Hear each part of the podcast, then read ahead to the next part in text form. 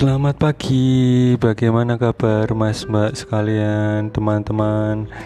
Kembali lagi bersama bersama saya di channel podcast Benang Merah sebuah dinamika bersama saya Aditya Wisnumurti. Oke, kali ini uh, saya ingin berbagi kepada Anda berbagi sudut pandang atau mungkin memberikan informasi terkait dengan teori-teori uh, belajar. Ada satu teori yang ingin saya sampaikan uh, pada topik kali ini, gitu, yaitu saya akan membahas tentang atau saya akan membagi tentang teori koneksionisme. Ya, mungkin teman-teman uh, psikologi mungkin teman-teman yang sudah pernah belajar psikologi pasti tahu dari teori koneksionisme ini dicetuskan pertama kali oleh percobaannya Edward Thorndike. Ya jadi pada percobaannya ini uh, seekor kucing yang lapar ditempatkan dalam sanggar berbentuk kotak beruji yang dilengkapi dengan peralatan seperti pengungkit, gerendel pintu, dan tali yang menghubungkan pengungkit dengan grendel tersebut. E. G. Keadaan bagian dalam sangkar yang disebut puzzle box itu merupakan situasi stimulus yang merangsang kucing untuk bereaksi, melepaskan diri, dan memperoleh makanan yang ada di muka pintu. Ya, itu salah satu uh, eh, gambaran umumnya terlebih dahulu saya ceritakan bahwa kita belajar sudah mulai mencoba untuk memahami teori-teori belajar yang ada. Ya gitu ya karena kita belajar itu terkait dengan perubahan perilaku maka menurut saya sebenarnya kita perlu dasar teori untuk me dasar teori kita untuk belajar sesuatu. Ya salah satunya di psikologi itu. Oke saya lanjut lagi. Uh, tadi ya uh, terkait dengan puzzle box. Ya dikatakan bahwa puzzle box itu satu stimulus yang merangsang kucing untuk bereaksi melepaskan diri dan memperoleh makanan yang ada di muka pintu. Pada awalnya diuji cobakan kucing tersebut merasa mengeong. Tersebut pasti mengeong, cakar, lompat dan berlarian namun gagal membuka pintu untuk memperoleh makanan yang ada depannya. Akhirnya Entah bagaimana secara kebetulan kucing itu berhasil menekan pengungkit dan terbukalah pintu sangkar tersebut. Ya, eksperimen ini atau eksperimen puzzle box ini merekam semua pengungkit dan terbukalah pintu sangkar tersebut.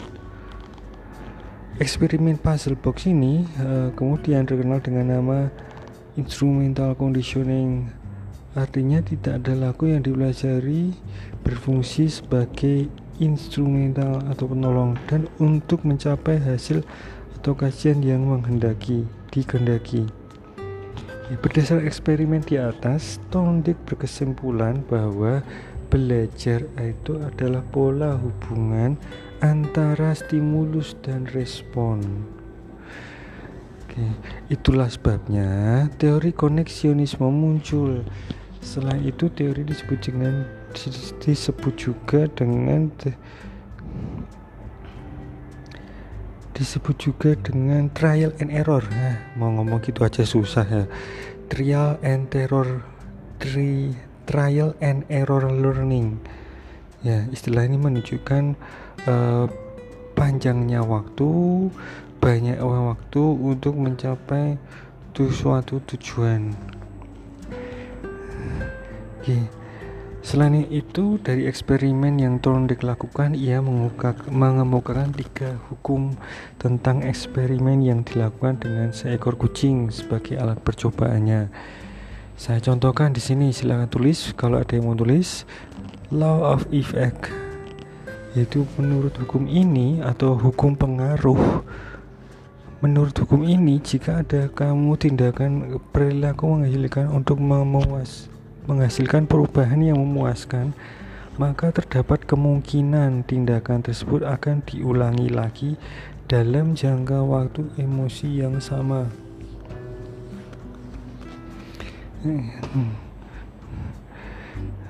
dan akan semakin meningkat intensitasnya. Tetapi jika tindakan tersebut menghasilkan perubahan yang mutu memuaskan, maka tindakan tersebut kemungkinan dari tindakan yang tidak diulangi.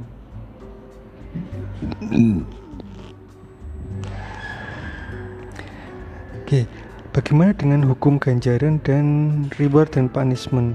Reward dan punishment berkaitan dengan hukum ya, dipengaruhi ini. Ganjaran merupakan suatu yang diperoleh atas keberhasilan atau usaha yang didudukinya, misalnya nilai baik. Nilai baik yang diperoleh pada hasil hanya sebar hanya ada hasil tesnya. Sedangkan hukuman berkaitan dengan sesuatu yang diperoleh siswa. Akibat dari kegagalan atau pelanggaran yang dilakukan. Misal nilai jelek atas berteguran bahwa ada siswa atas hasil tesnya. Oke, menurut Thorndike, hukuman tidak selalu melempahkan hubungan stimulus respon dan juga tidak mempunyai akibat yang berlawanan dengan ganjaran. Menurut Hudoyo, jika S dan R serentak, maka hubungan ini disebut kontinuisi. Ganjaran menjadi penguat jika rasa mengiringi posisi respon siswa. Di samping itu juga ada kecenderungan meningkatkan R. Dan hal ini dapat memudahkan dan memperlancar cara belajar. Nah, ini Misalnya ucapan bagus dan benar itu dan sebagai proses penguatan.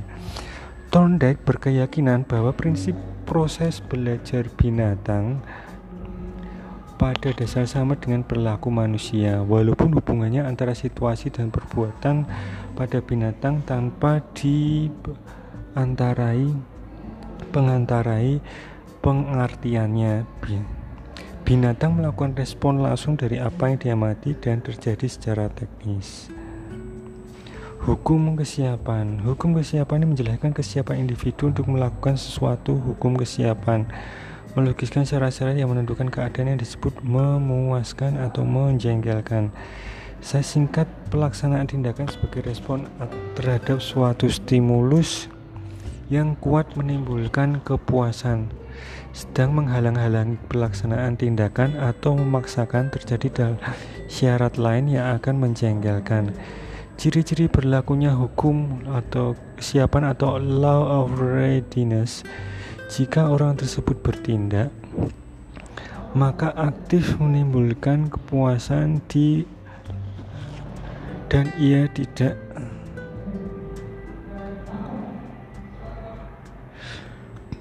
Oke,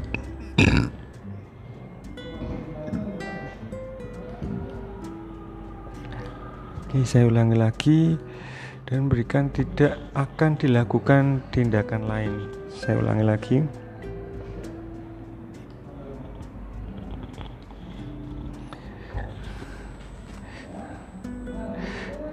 Nih, law of readiness, ciri-cirinya. Misalkan seorang memiliki kecenderungan bertindak, jika orang tersebut bertindak, maka akan menimbulkan kepuasan dan ia tidak dan ia tidak akan dilakukan tindakan lain. Selanjutnya, misalkan seorang memiliki kecenderungan bertindak, jika orang tersebut bertin tidak bertindak, maka akan muncul rasa ketidakpuasan dan ia akan melakukan tindakan lain untuk menghapus rasa puas. Yang ketiga, misalkan seseorang tidak mempunyai kecenderungan bertindak tetapi olah orang tersebut bertindak, maka akan muncul rasa kesiapan, rasa ketidakpuasan, dan ia akan melakukan tindakan lain untuk menghapus rasa tidak puasnya. Oke, pada intinya, pada hukum-hukum ini keberhasilan individu dalam melaksanakan suatu sangat tergantung pada kesiapan. Belajar akan lebih berhasil jika siswa lebih siap untuk belajar. Nah, bagaimana dengan belajar ataupun pendidikan?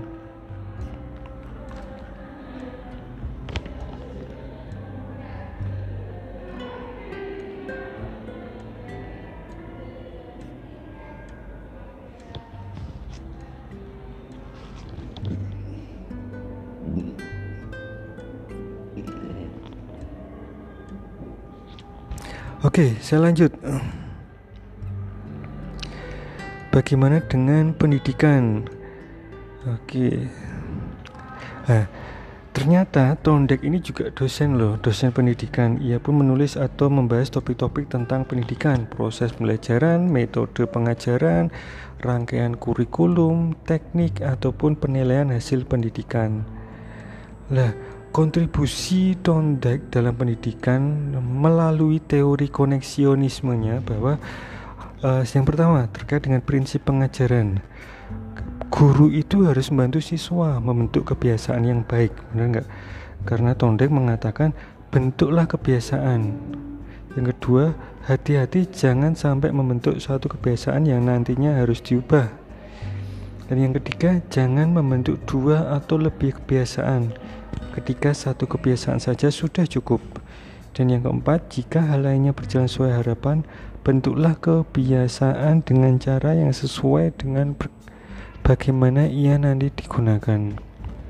Nah, dengan cara yang sesuai dengan bagaimana ia nanti uh, uh, mohon maaf, prinsip yang terakhir merupakan uh, peringatan agar jangan menghilangkan materi ajar dari aplikasi. Siswa perlu memahami bagaimana menerapkan pengetahuan dan keterampilan yang mereka peroleh penggunaan pengetahuan dan keramaian ini harus dipelajari dalam hubungannya dengan materi ajar. Oke, kontribusi kedua Tondek yaitu terkait dengan rangkaian kurikulum.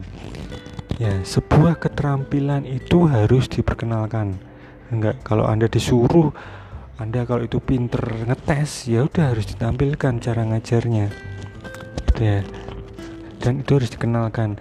Oke, pada saat sesaat sebelum keterampilan tersebut dapat digunakan dengan cara yang sesuai. Dan yang kedua, saat siswa sadar bahwa mereka membutuhkan keterampilan tersebut sebagai sarana memenuhi beberapa tujuan yang bermanfaat. Ini tujuannya kenapa eh, keterampilan itu harus dikenalkan. Dan sebenarnya manfaatnya apa? Terus kemudian yang ketiga, uh, rangkaian ketika keterampilan tersebut paling cocok dengan kemampuan siswa dalam hal tingkat kesulit tingkat kesulitan ketika keterampilan tersebut paling selaras dengan level dan tipe emosi selera serta kecenderungan riah dan kecenderungan yang didasarkan atas kemauan sendiri yang terakhir, ketika keterampilan tersebut ditunjang secara optimal oleh pembelajaran-pembelajaran yang diperoleh tepat sebelumnya. Nah, prinsip-prinsip itu bertentangan dengan uh, penempatan materi ajar yang yang umum di sekolah di mana materi pelajaran dipisahkan menurut bidang studi. Misalnya IPS, matematika, IPA, tetapi Tondek sangat merekomendasikan supaya pengetahuan dan keterampilan diajarkan dalam bidang studi yang berbeda-beda. Contohnya bentuk pemerintah adalah topik yang sudah sesuai bukan hanya dalam bidang studi pendidikan kewarganegaraan dan sejarah, tetapi juga dalam bidang studi bahasa Inggris. Seperti itulah yang perlu diperhatikan adalah Tondik ini menemu, mengemukakan hukum dalam teori belajarnya melalui eksperimen yang longitudinal yakni setiap hasil eksperimen yang digunakan itu terbaru dan terkoreksi hasil eksperimen terdahulu. Oke, Perhatian utamanya terletak pada situasi yang ada untuk mendapatkan respon. Sedangkan individu, khususnya dalam hal motivasi, diabaikan. Nah ini ya, teori belajar tondek ini lebih cocok pada pendidikan keterampilan pravokasional. Nah, itu itu uh, beberapa hal yang saya sampaikan melalui channel podcast saya terkait dengan teori belajar koneksionisme. Bagi pendengar yang masih berkuliah atau mahasiswa saya terutama Anda mendapat uh, materi ini silakan Anda boleh komentar di uh, forum atau link materi. Uh, kita diskusi beberapa hal yang terkait dengan teori koneksionisme terkait dengan proses belajar mengajar. Baik saya rasa cukup. Terima kasih. Tet selalu sehat dan tetap sadar. Saya Aditya Wisnumurti di channel podcast benang merah sebuah dinamika